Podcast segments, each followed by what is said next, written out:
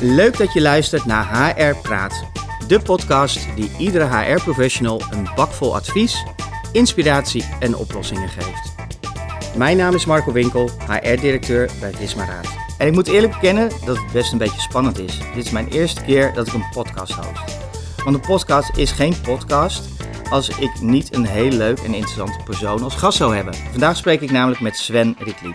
Van origine organisatiepsycholoog en bedrijfskundige en al 15 jaar strategisch directeur bij Nolast. Waar hij zich inzet voor het vergroten van geluk, gezondheid en gedrevenheid op de werkvloer. En ik moet eerlijk bekennen, daar gaat mijn hart wel harder van kloppen. Welkom Sven. Vandaag gaan we het hebben over terugkeer naar kantoor. Ehm, ja, waar gaan we op letten? Wat gaat de toekomst ons brengen? Maar allereerst zou ik graag wat van jezelf willen weten. Waar komt jouw passie voor dit mooie vak vandaan? Ja, ehm, mooi om daar inderdaad uh, dan uh, de geschiedenis voor in te duiken. En dan nou gaan we 15 jaar terug. Toen ontmoette ik een nou, prachtige jonge blonde dame en we waren hotel de botel verliefd. Nou, we genoten op, in volle teugen van het, van het leven, zoals je dat doet op een Burgondische manier.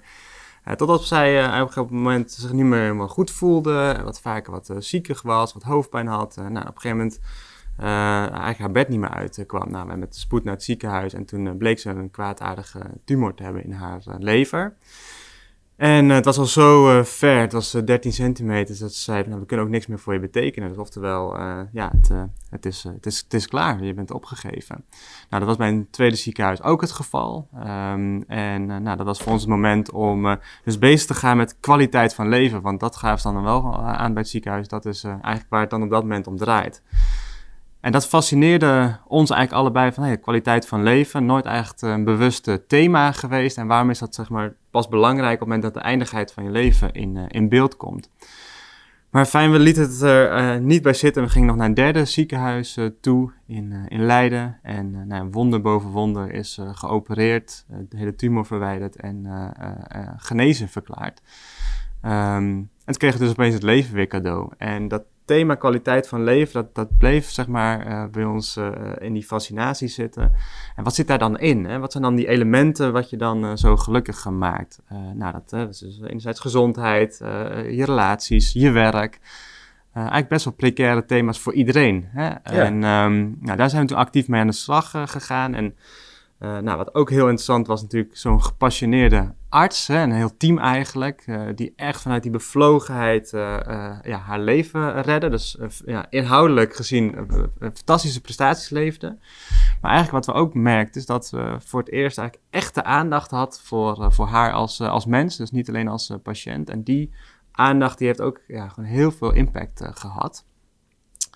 Nou, mijn uh, achtergrond is natuurlijk die, uh, in organisatiepsychologie en bedrijfskunde. Uh, dus in organisaties. Nou, omdat werk natuurlijk zo'n groot onderdeel is van je leven. Nou, toen begon eigenlijk de fascinatie. Hé, maar wat is dan de rol van kwaliteit van leven in het werkveld? En in hoeverre beïnvloedt dan kwaliteit van leven dan ook prestaties op het werk? Nou, dat is inderdaad 15 jaar geleden als, als onderzoeker begonnen om dat eigenlijk te gaan analyseren. En uh, ja, en erachter gekomen dat dat eigenlijk de meest sterke correlatie is uh, die er is. Dus als een uh, mens zich goed voelt, presteert hij significant beter in alle eenvoud eigenlijk. Ja. ja. Heftig verhaal, met uiteindelijk natuurlijk wel een heel mooi eindresultaat. Gelukkig wel, ja. Ja, ja dat zeker. kan me heel goed voorstellen uiteindelijk. Als jij nou kijkt inderdaad naar, je geeft het aan, hè, werk, geluk, balans, privé. Um, als ik voor mezelf praat, hè, voor corona was het heel duidelijk. ik ging naar kantoor, uh, en naar huis rijden was voor mij het afschaalmoment. En als ik thuis kwam, dan uh, was dat privé. Ja. Nu loopt dat door elkaar. En dan zei ik gisterochtend tegen mijn vrouw... Nou, ik loop even naar mijn kantoor boven. Ja, wellicht dat ik iemand tegenkom op de trap, maar dat is het dan ja. uh, uiteindelijk. Hoe kijk jij daar nu naar? Hè? Van de, het, het moet in balans zien en blijven. Uh, wij merken veel vanuit de Employee Engagement Surveys dat mensen het ook wel lastig vinden. Enerzijds zijn ze heel erg blij met thuiswerken. Anderzijds het afschalen en uh, die laptop dichtklappen vinden ze, vinden ze toch echt wel moeilijk. Ja. Hoe kijk jij daarnaar?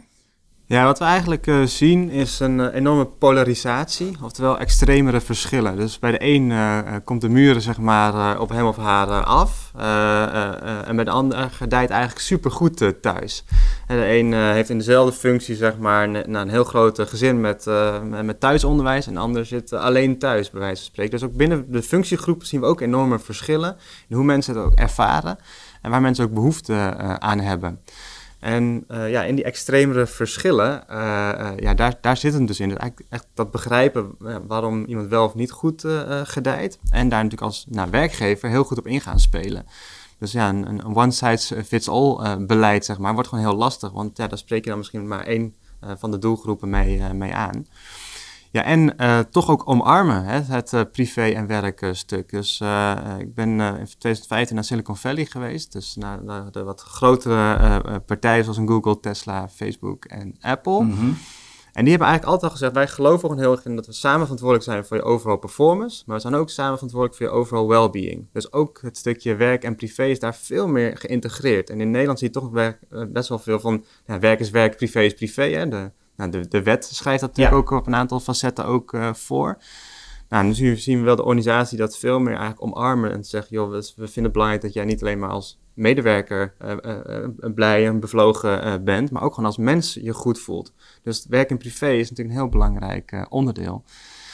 Dus um, ja, dat omarmen dat, uh, dat, uh, dat er misschien niet een harde scheidslijn is, uh, maar dat je op zoek moet gaan naar een ideaal ritme, noemen we het eigenlijk wel eens vaker. Misschien balans zou ik bijna zeggen, het is, het is, het is bij van beide niks. Je zit in een soort weegschaal. En ritme gaat misschien veel over of je staat aan zeg maar, op het werk, of je staat thuis, zeg maar, of je staat uit.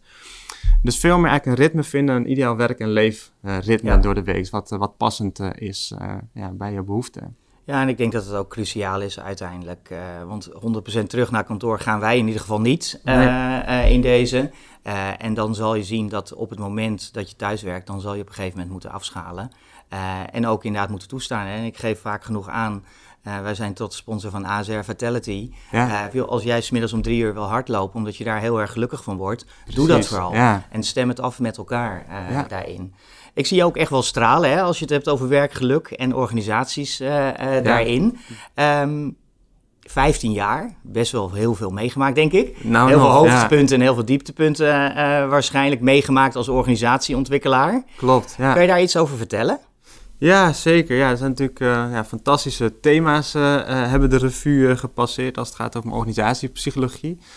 nou, een van die de laatste jaren heel erg opkomt, is eigenlijk nou, diversiteit en inclusie. Hè? Dus dat iedereen welkom is in de organisatie, maar dat iedereen zich ook thuis voelt in de organisatie.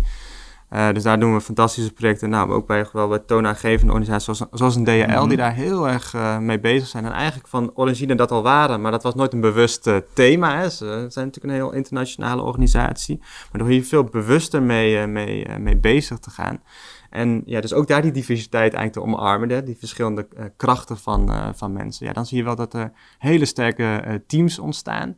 En vanuit al die verschillende perspectieven ook wel de beste inzichten eigenlijk ontstaan.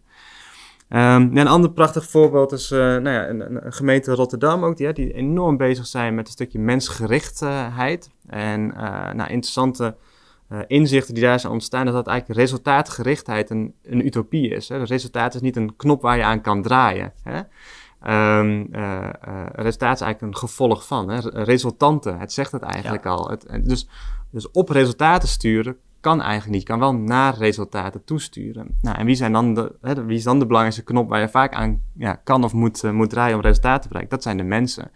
En dus mensgerichtheid kan wel. En je kan zeg maar hè, uh, aangeven, we zijn mensgericht en we sturen naar resultaten toe. Dus met resultaat gestuurd, dat kan wel.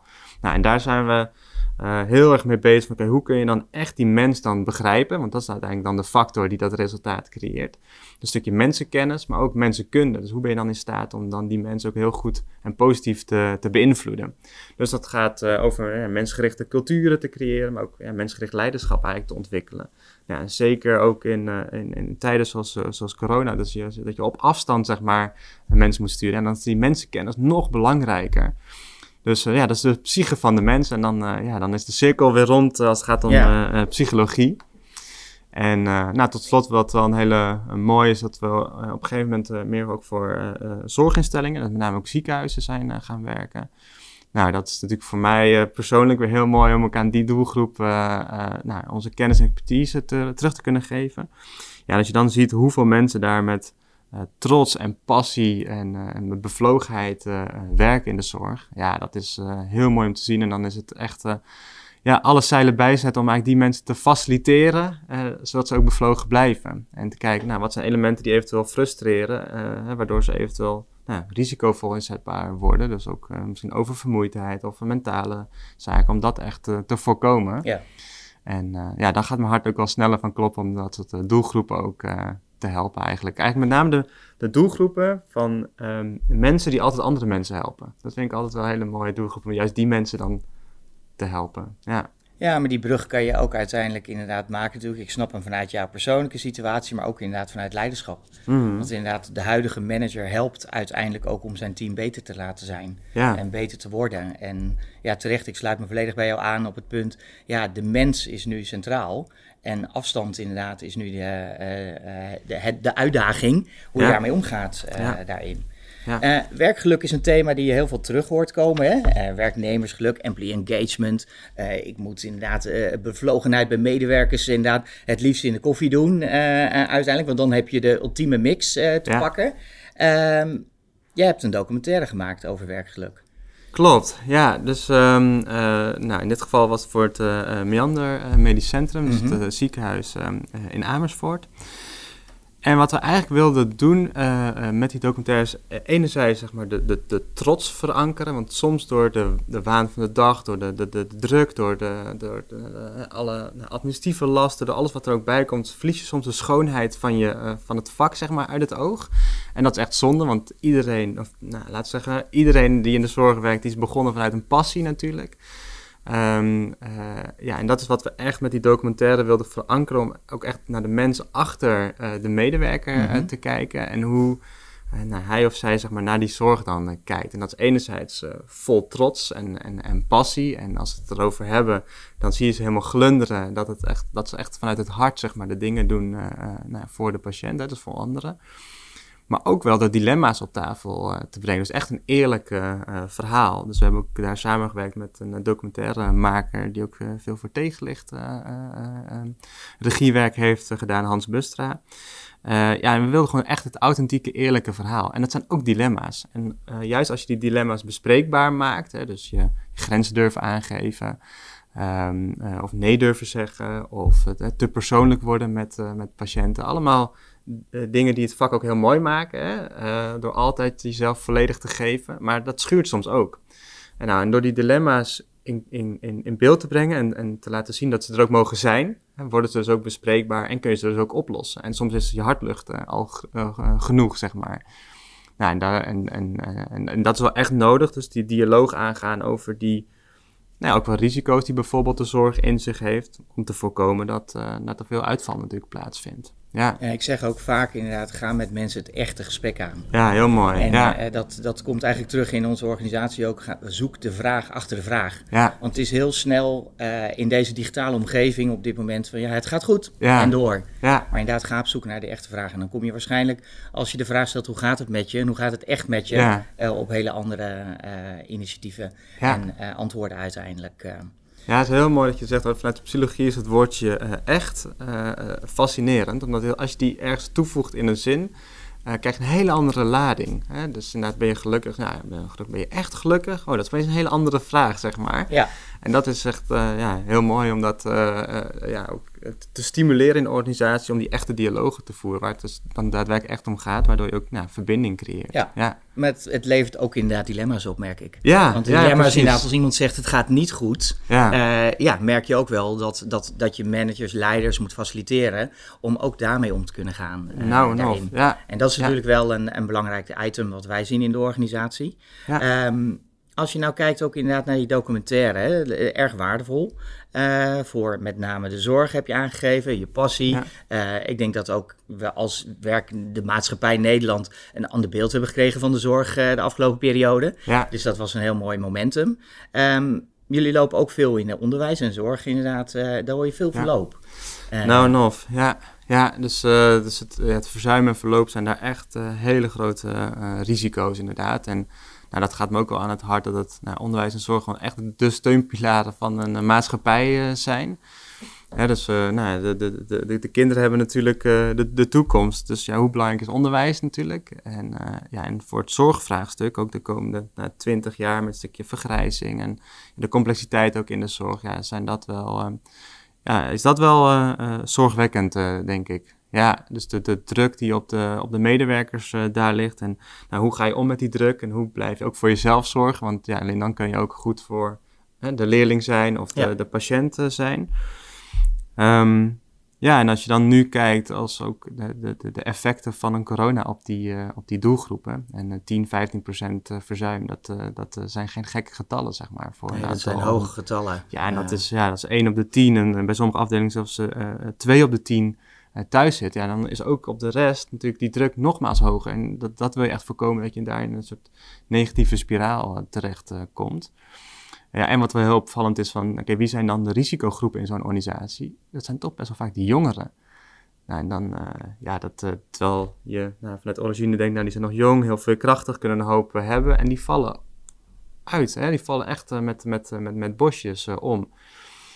Dus dat, um, ja, dus die, dus, dus, dus die groep die, met, met, met mentale en sociale problematiek, en zeker ook in de coronatijd hebben die uh, daar ook veel last van gehad, uh, privé. Nou, ik denk dat we daar wel echt extra aandacht voor moeten gaan hebben. En, en, we hebben dat bij een aantal organisaties nu het, het, het, plan van aandacht genoemd. Dus, dus hoe kunnen we zorgen dat voor die groepen die eigenlijk wat extra aandacht nodig hebben, dat we daar ook echt, nou, daar ook echt voor zijn. En um, ja, dan zijn jongeren daar wel een hele belangrijke factor in. ja. ja. Nee, maar dat merk ik ook hoor. In onze organisatie merk je dat ook. Uh, mentale weerbaarheid, persoonlijk leiderschap mm zijn toch wel thema's die wellicht er al waren, maar door corona wat meer en sneller naar boven zijn komen drijven. Klopt. Uh, En dan kom je ook heel snel op die, in die, die verbindende factor hè, van een, een lifelong learning mm en een leercultuur daarin. Um, en ook wel inderdaad fouten maken. Ja. leven lang leren. Uh, maar dat betekent ook dat een medewerker of uh, een, een, een, collega daar wel voor moet openstaan. Nou, nog. Ja, dat, ik merk dat ook wel als uitdaging. Uh, ondanks dat je alles aanbiedt, en in dit geval is het op dit, bij ons heel veel online, merk ik toch wel dat persoonlijk leiderschap, ongeacht welke leeftijd, en ik merk dat het ook wel verschillende categorieën, begint wel een steeds belangrijk thema te worden in de maatschappij daarin. Ja, zeker. Ja. En als je dan kijkt naar dat, dat stukje fouten maken. Mm ik weet nog heel goed uh, dat toen ik voor het eerst manager werd, dat was mijn grote droom om bij een uitzendbureau manager te worden. Uh, dat ik dacht, nou, nou heb ik het gemaakt. En, en nou ga ik de wereld inderdaad bestieren. en ik ging als een razende reporter, ging ik er doorheen. Uh, en ik dacht op een gegeven moment inderdaad, joh, waar is mijn team nou? en ik keek achter me en ik denk, nou, die zijn er niet meer. Ja. Uh, en ik sta alleen in het weiland uh, daarin. Ja. Daar heb ik zeker wel van geleerd. En af en toe gebeurt het nog steeds bij mij, merk ik. en dan zegt mijn team, jongens, ik stap op de rem en denk, oh ja, dat was het ook alweer. Ja. Als je nou kijkt inderdaad naar jouw grootste leermoment of fuck-up, zoals we het heel mooi in Engelse termen zeggen. Wat zou je dan benoemen? Nou, um, op een gegeven moment maakten we tra de, transitie zeg maar, naar wat traditionele uh, organisaties, vrij Hollandse organisaties, hè, dus in de zorg, in het onderwijs, maar ook, ook in de overheid. Nou, we zijn natuurlijk vanuit de, HR heel gevoelig voor hele mooie Engelse termen, hè, dus employee journey, employee experience en, en onboarding en nou, een aantal uh, presentaties, zeg maar, natuurlijk uh, de ene en de andere uh, Engelse term en ook nog een stukje vakjargon, soms nog een afkorting gebruikt. En dan zag je soms mensen je aankijken, waar heeft die man in godsnaam het over? Dus dat was wel een enorme ja, eye-opener om ja, echt wel heel, nog, nog dieper in je doelgroep te duiken. En, ja, en dan wat te zorgen dat je met, met, met, met, met termen en met woorden komt die gewoon begrijpelijk zijn. Dus dat was wel een een, eh, een fuck-up, eh, denk ik. Eh, dat, dat, ik op een gegeven moment nou, ja, mensen mij zich aankijken van... heeft hij in Engeland gestudeerd of waar, komt hij, waar komt hij vandaan? we spreken hier gewoon Nederlands. Ja, ik herken dat volledig. Mijn vrouw zegt dat ook heel vaak. Inderdaad, die heeft drie maanden erover gedaan om het woord onboarding te online. Oh, ja. En die zei uiteindelijk, zeg gewoon introductieprogramma. Ja, precies, Dan is het voor mij helder. ja, dat. Dus dat is wel echt een hele belangrijke en... Uh, nou, wat ik al eerder zei, we begonnen echt als, als onderzoeker om te, begrijpen wat er uh, daadwerkelijk uh, leeft. Eh, nou, dan kun je analyse natuurlijk op analyse doen. En nou, de ene inzicht is nog mooier dan de andere, zeg maar. Ja, en dan merk je toch wel gewoon in het werkende leven zijn inzicht natuurlijk mooi, maar dat moet je echt wel vertalen naar gewoon concrete interventies. Dus, uh, dus het begrijpen van gedrag is, één. En nou, daar waren we heel erg op, uh, op gefocust. En toen merkte ik toch wel, ja, je wilde dat toch wel beïnvloeden. Hè? Dat moet gewoon veranderen. En dat je in de wetenschap puur bezig bent met begrijpen, dat is mooi. Maar in het bedrijfsleven gaat het er gewoon om dat je het dan gaat verbeteren. Ja. En, en ook praktisch maakt. Dus lange grote rapporten, ja, dat is gewoon niet, niet werkbaar of heel cijfermatig. Dat zijn niet werkbare producten. Dus dat hebben we ook vertaald naar bijvoorbeeld dat je het ook ehm, echt in de cultuur ook embed. Dus bij, bij Transavia hele mooie trajecten gedaan. Ja, daar hebben we het bijvoorbeeld vertaald naar een, naar een safety information card. Waar je gewoon heel simpel in twaalf afbeeldingen eigenlijk de onderzoeksresultaten teruggeeft. Ja, dan wordt het heel begrijpelijk. Dan wordt het ook makkelijker om het te vertalen zeg maar, naar die interventies toe. Dus, uh, dus ja, dat was ook wel een uh, nou, lessons learned, zullen we zeggen, om niet alleen maar te focussen op die, uh, op die inzichten, maar ook echt dan te vertalen naar interventies. En eigenlijk in lijn daarmee, ja, waren we toch altijd wel gefascineerd door een stukje complexiteit. Hè? De wetenschap is natuurlijk ook, hoe complexer, hoe spannender het wordt. Terwijl ja, in het, in het bedrijfsleven moet je gewoon naar, naar een eenvoud uh, toe gaan. En um, nou, daar heeft uh, Zeeman zeg maar, ons nou, een heel mooi traject in opgeleverd. Die staan daar natuurlijk ook echt voor. Hè? Dus um, hè, zo, zo eenvoudig mogelijk. Hè? Daar, daar staat het de organisatie ook voor. Nou, en hoe vertaal je dat dan naar eigenlijk hele concrete interventies? En daar hebben we bijvoorbeeld gewoon heel eenvoudig opgehaald. Nou, wat maakt jou nou heel trots binnen binnen Zeeman. Nou, en als je dat zeg maar gewoon uitvergroot en heel goed toepast in de organisatie, dan maak je eigenlijk iets wat al heel goed is, nog sterker. Nou, en daar is al heel veel in, uh, in te winnen. Ja. En, um, um, ja, en dan, dan zie je eigenlijk dat het bijvoorbeeld een hele mensgerichte organisatie was. Nou, dan moet je dus daar juist je energie ook op, uh, op inzetten. Dus dat was denk ik een hele uh, interessante. ja, en tot slot uh, zijn we uh, een paar jaar geleden in de, in de organisatiepsychologie met een aantal onderzoeken om de oren geslingerd. En dat ging eigenlijk over de effectiviteit van een aantal ja, uh, psychometrische instrumenten, zowel op macroniveau als ook op individueel microniveau. dat het instrument zelf eigenlijk helemaal niet zo effectief was dat dan als werd gedacht. En dus uit de onderzoeken kwam wel een effectiviteit. Maar wat blijkt nou? Dat eigenlijk het reflecteren uh, de effectiviteit maakt. Oftewel, als je een functioneringsgesprek hebt, dan maakt het bijna niet uit wat voor formulier jij hebt liggen. Maar wat je net ook uh, ja. zei, dat echte gesprek, zeg maar. Dus je staat even stil bij wat goed gaat en wat minder goed gaat. Dat bepaalt de effectiviteit, zeg maar, uh, daarna van dat, van dat gesprek. En dat, dat formulier, dus het instrument wat je gebruikt, is eigenlijk niet zo heel erg belangrijk. Dus je wil mensen in een reflectiestand zetten dus de, de, de, de dag, dagstart of een dagafsluiting, zeg maar, het feit dat je daarin reflecteert, dat bepaalt de effectiviteit. Ja. En niet zozeer wat je dan precies op dat koersbord hebt staan, zeg maar. Dus dat heeft ja, eigenlijk in de, in de wetenschap wel heel erg uh, ons doen nadenken. Oké, misschien moeten we dan ook in het bedrijfsleven vaker gewoon reflectie uh, als proces meer implementeren. Dan ons heel erg gaan focussen op nou, functioneringsformulieren en wat daar dan precies uh, in staat. En hetzelfde geldt voor ja, medewerkersonderzoeken. Misschien wil je gewoon veel vaker eigenlijk wat frequenter even die reflectie uh, uh, hebben. Hè? Dus veel meer continu meten en continu een dialoog daarover voeren. Uh, waardoor je ook continue kleinere verbeteringen krijgt. In plaats van nou ja, bijvoorbeeld één keer zo'n heel groot medewerkersonderzoek en dan nou, een heel verbeterplan. En nou, dat kan veel continu. Dus bij KLM hebben we dat continuous measurement, mm -hmm. continuous dialogue en continuous improvement genoemd als een soort proces die Ja. je dan implementeert. Dus het, eh, meer een reflectieproces implementeren dan, nou ja, dan, eh, dan heel erg op instrumenten, heel instrumenteel zeg maar, te gaan focussen. Ja, Dus, wij eh, zijn daarmee live gaan dit jaar. Dus dat, dus dat sluit mooi aan Precies, op ja. dat punt. En dat, dat brengt ook wel terug inderdaad bij dat, ja, echt wel die echte dialoog. En ook inderdaad het meten. Wij meten elke maand hoe het is inderdaad in onze organisatie Ja, daarin. En dan krijg je ook inderdaad heel veel feedback waarmee je uiteindelijk ook aan de slag kan. En eh, ja, een van die feedback is, eh, eh, hoe is het met je mental well-being? ja. En dan staat er heel vaak bij inderdaad, ja, maar als het kantoor open is, dan gaat dat in één keer een team worden. Oh ja. ja. daarin. Dus dat is heel fascinerend. Waarbij ik dan denk, van, als mensen één keer geweest zijn, dan komen ze zo meteen tot die conclusie dat het toch niet was zoals het had moeten zijn daarin. Maar dat, dat, dat brengt wel inderdaad, het momentum komt steeds dichterbij. Nou, Eh, een nog, paar ja. weken geleden eh, heb ik een webinar voor jullie bijgewoond. eh, waarbij inderdaad we toch wel langzaam werken dat die kantoren weer open gaan daarin. Dus dat, dat, als je nou kijkt inderdaad van, wat we nou hadden hè, voor inderdaad corona en wat we nou gaan krijgen. Wat, Ja. hoe, hoe kijk jij daarnaar? Ja, hele mooie eh, eh, vraag. Ehm, eh, ik- de sleutelwoord gaat zijn verbinding. Hè? Dus, en dan enerzijds emotionele verbinding en functionele verbinding. Dus functionele verbinding gaat veel meer over nou, op welke manier gaan we met elkaar samenwerken. Hè? we hebben geleerd dat een hoop onderdelen prima online kunnen, soms zelfs beter online zijn als het gaat om een hele grote groep bijvoorbeeld te informeren. Um, sommige vergaderingen waar je heel functioneel gewoon uh, agendapunten en actielijstjes bespreekt, kan prima uh, online bijvoorbeeld.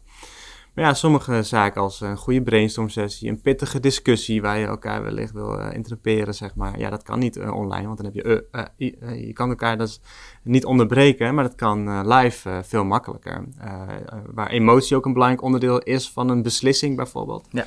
Dus uh, toen ik uh, in 2015 bij Google was, zei dus ook gewoon belangrijke beslissingen maken wij nooit uh, online. Dus altijd face-to-face. Okay. En de echte gesprekken doen we face-to-face. -face. En dat was een techbedrijf. Dus ik dacht, nou, die hebben natuurlijk alles gewoon virtueel ja, geregeld.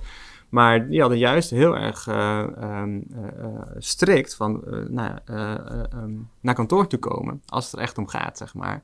En zeker in die verbinding. Hè? Dus als je gezamenlijk iets, iets moet doen, een, een brainstorm sessie zeg maar, product development, nou, ga elkaar daar zoeken. Nou, en dan het, het emotionele verbindingstuk, ja, dus je je betrokken voelen bij een organisatie, je betrokken voelen bij je team, bij je leidinggevende. Um, kan deels zeker virtueel. Ik zie ook daar hele mooie voorbeelden. Hè, dat, eh, dat mensen eh, dat, de, een soort van huistoeren hebben gedaan. Nou, mensen die 30 jaar hebben samengewerkt, nooit een huis hebben van een ander hebben gezien. Of de partner of de kinderen. Nou, dat is ook best persoonlijk. Hè, dus dat is ook echt wel een emotionele verbinding. Mijn jongste kent iedereen hoor van kantoor. Ja, precies. Dus, ja. Iedereen kent hem ook. Ja. Want die loopt gewoon te pas en te onpas door het beeldscherm heen. Ja, dat is eigenlijk hartstikke... Kijkt er uh, nee, precies. Het is eigenlijk hartstikke leuk dat we een nou, soort, soort letterlijk een kijkje in de keuken hebben gehad uh, bij, uh, bij collega's. En zelfs ook bij natuurlijk belangrijke klantrelaties bijvoorbeeld. dus echt wel mooie voorbeelden op het gebied van emotionele verbinding. maar ja, het fysieke element, ik bedoel zeker ook van de oudsher waar we gewoon rondom het kampvuur zaten en rondom onze totempaal, zal onherroepelijk belangrijk blijven voor ons als sociale dieren. Dus um, um, uh, ik denk dat het een, een, een, een, een mooie kans is geweest om eigenlijk het, de, de, die digitale transformatie nog meer te omarmen en te benutten met name. Um, uh, ja, en ook bewust te zijn hoe belangrijk het is als je elkaar ziet, dat je dan ook dat benut. Hè, en dat, en, en, ja, dan kun je denk ik nog veel meer uit bepaalde vergaderingen halen zeg maar, op kantoor als je dat fysieke component ook benut. Ja. Nou, je moet denk ik ook inderdaad van belang zijn dat we niet allemaal teruggaan naar die situatie hè, van 12 maart 2020. Klopt. Want dat was lekker comfortabel. Ja. En dat was wat we wisten en wat we hadden. Uh, en als, als mens merk je dat je daar toch wel anders over ja. moet gaan nadenken. En ik schreef ook nou, volgens mij was het vier, vijf weken geleden een blog inderdaad. Ja, mag ik een dagje op kantoor werken? Ja. Uh, uh, dat was natuurlijk uiteindelijk uh, de vraag van, mag ik een dagje thuiswerken van anderhalf jaar geleden? Ja. Bij ons was echt thuiswerken een unicum. en op kantoor werken was eigenlijk de standaard. En ik denk nu dat het zo meteen andersom gaat plaatsvinden. Ja. Als jij nou kijkt, wat zou je organisaties willen meegeven? Waar moeten ze nou rekening mee houden? Ja, een uh, aantal elementen. Um, uh, uh, ja, één is wat natuurlijk de coronacrisis ons heeft geleerd, is dat we opeens zeg maar uit onze comfortzone moesten.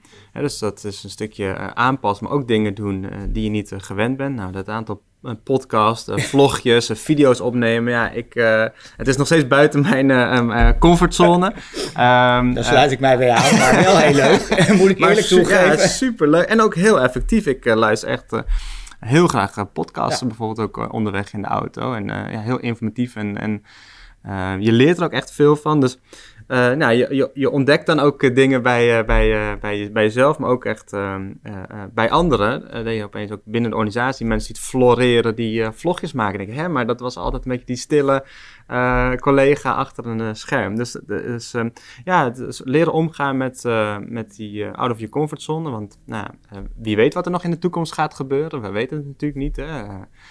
Het kan nog steeds van alles gebeuren. Dat, ja. uh, anderhalf jaar geleden hadden we ook niet voor mogelijk gehouden wat we nu hebben meegemaakt. Dus nou ja, daar zeg maar uh, die aanpassingsvermogen hoog hebben. Um, hè, want ja, bomen die niet meewaaien, die vallen ook sneller om natuurlijk. Hè, dus dat, dat is echt heel belangrijk. En dan op het stukje veiligheid. Hè, dus dat, hoe zorg je voor een pragmatische, veilige werkcultuur. waar het enerzijds ja, leefbaar en werkbaar is eigenlijk wat, wat je beoogt.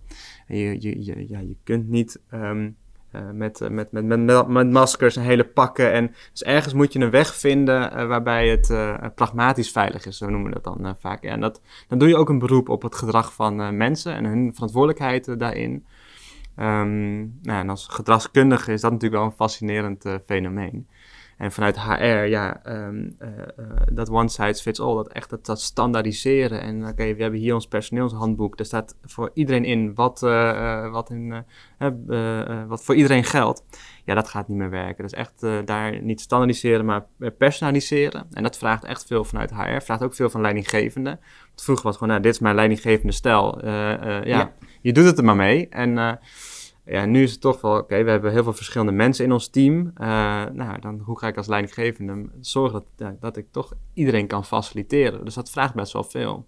Ja, ik denk ook echt wel dat uh, als ik vanuit mijzelf praat, is, heeft HR de andere, het laatste anderhalf jaar echt een andere dimensie gekregen. Ja, Buiten het feit dat ik een beetje gekscherend af en toe zeg, de rotonde lijkt wel één afrit te hebben en dat is naar HR, ja. uh, merk je wel dat... Ehm, ook wel inderdaad mijn bestuurcollega's elkaar aankijken van... joh, maar wat gaan we nou doen, hè? Want die, die pragmatische veiligheid, die kan ik bieden. We hebben een supermooi kantoor uh, uh, ingericht. Iedereen kan zometeen werken, uh, kan thuis werken. We hebben het gefaciliteerd.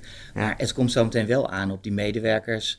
en hun eigen verantwoordelijkheid daarin. En dat vind ik wel spannend. Daar ben ik eerlijk in. Dus dat is ook wel waarom wij in een pilotvorm open gaan. Wij zullen nooit in één keer open gaan.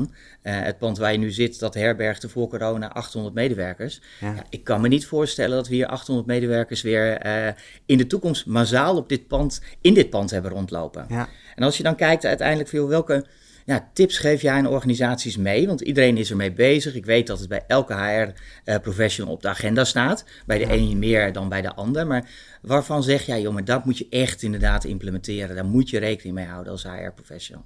Ja, ik denk dat het heel belangrijk is om uh, middel en doel zeg maar, van elkaar te onderscheiden. Hè. Dus een kantoor is en blijft een middel om bepaalde doelen te realiseren. Nou, dat uh, kan zijn om crossfunctioneel dat, dat afdelingen elkaar ontmoeten. Uh, omdat die, die hebben in coronatijd elkaar echt een stuk minder gezien en gesproken. De eigen teams gaat nog vaak nog wel.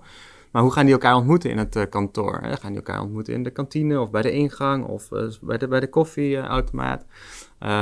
doelen van bepaalde ruimtes. Hè? Is het doel dat we daar een, een, een, een brainstorm sessie doen? Of is het doel een, vergadering? Of is het doel dat je daar meer een huiskamergevoel hebt, omdat je daar een, het echte dialoog ja. met, een, met een medewerker wil die uh, onzeker is of uh, toch door de coronacrisis in financiële moeilijkheden is gekomen. Hè? Dat is een, kwetsbaar gesprek. Ja, dat, dat ga je niet on, online doen.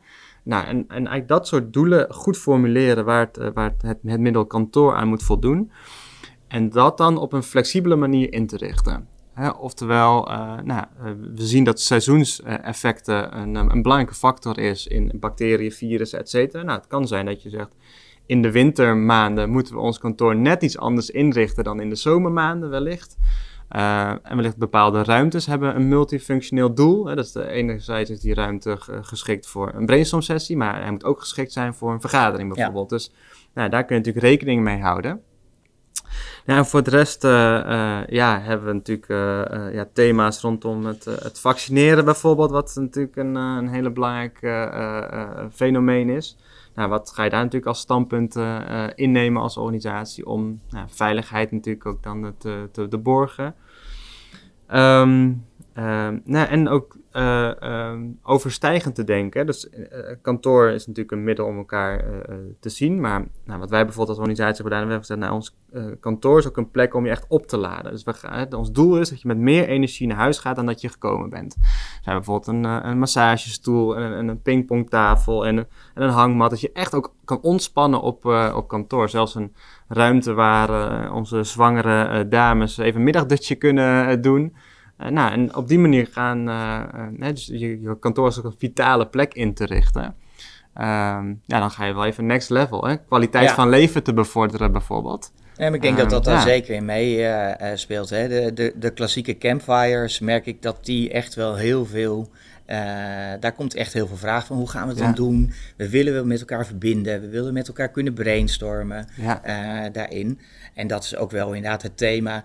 Ja, ik, ik hou niet zo van hybride werken. Hè? Uh, wat, als woord, ja. Ja, als woord inderdaad. Ik vind hetzelfde als in de containerbegrippen e-learning. Ja, doe mij een e-learning. Ja, doe mij hybride werken. En ik hou het liever op anders werken met elkaar. En opnieuw inderdaad uitvinden. Van, wat is nu belangrijk? Hè? Waarvoor kom je naar kantoor?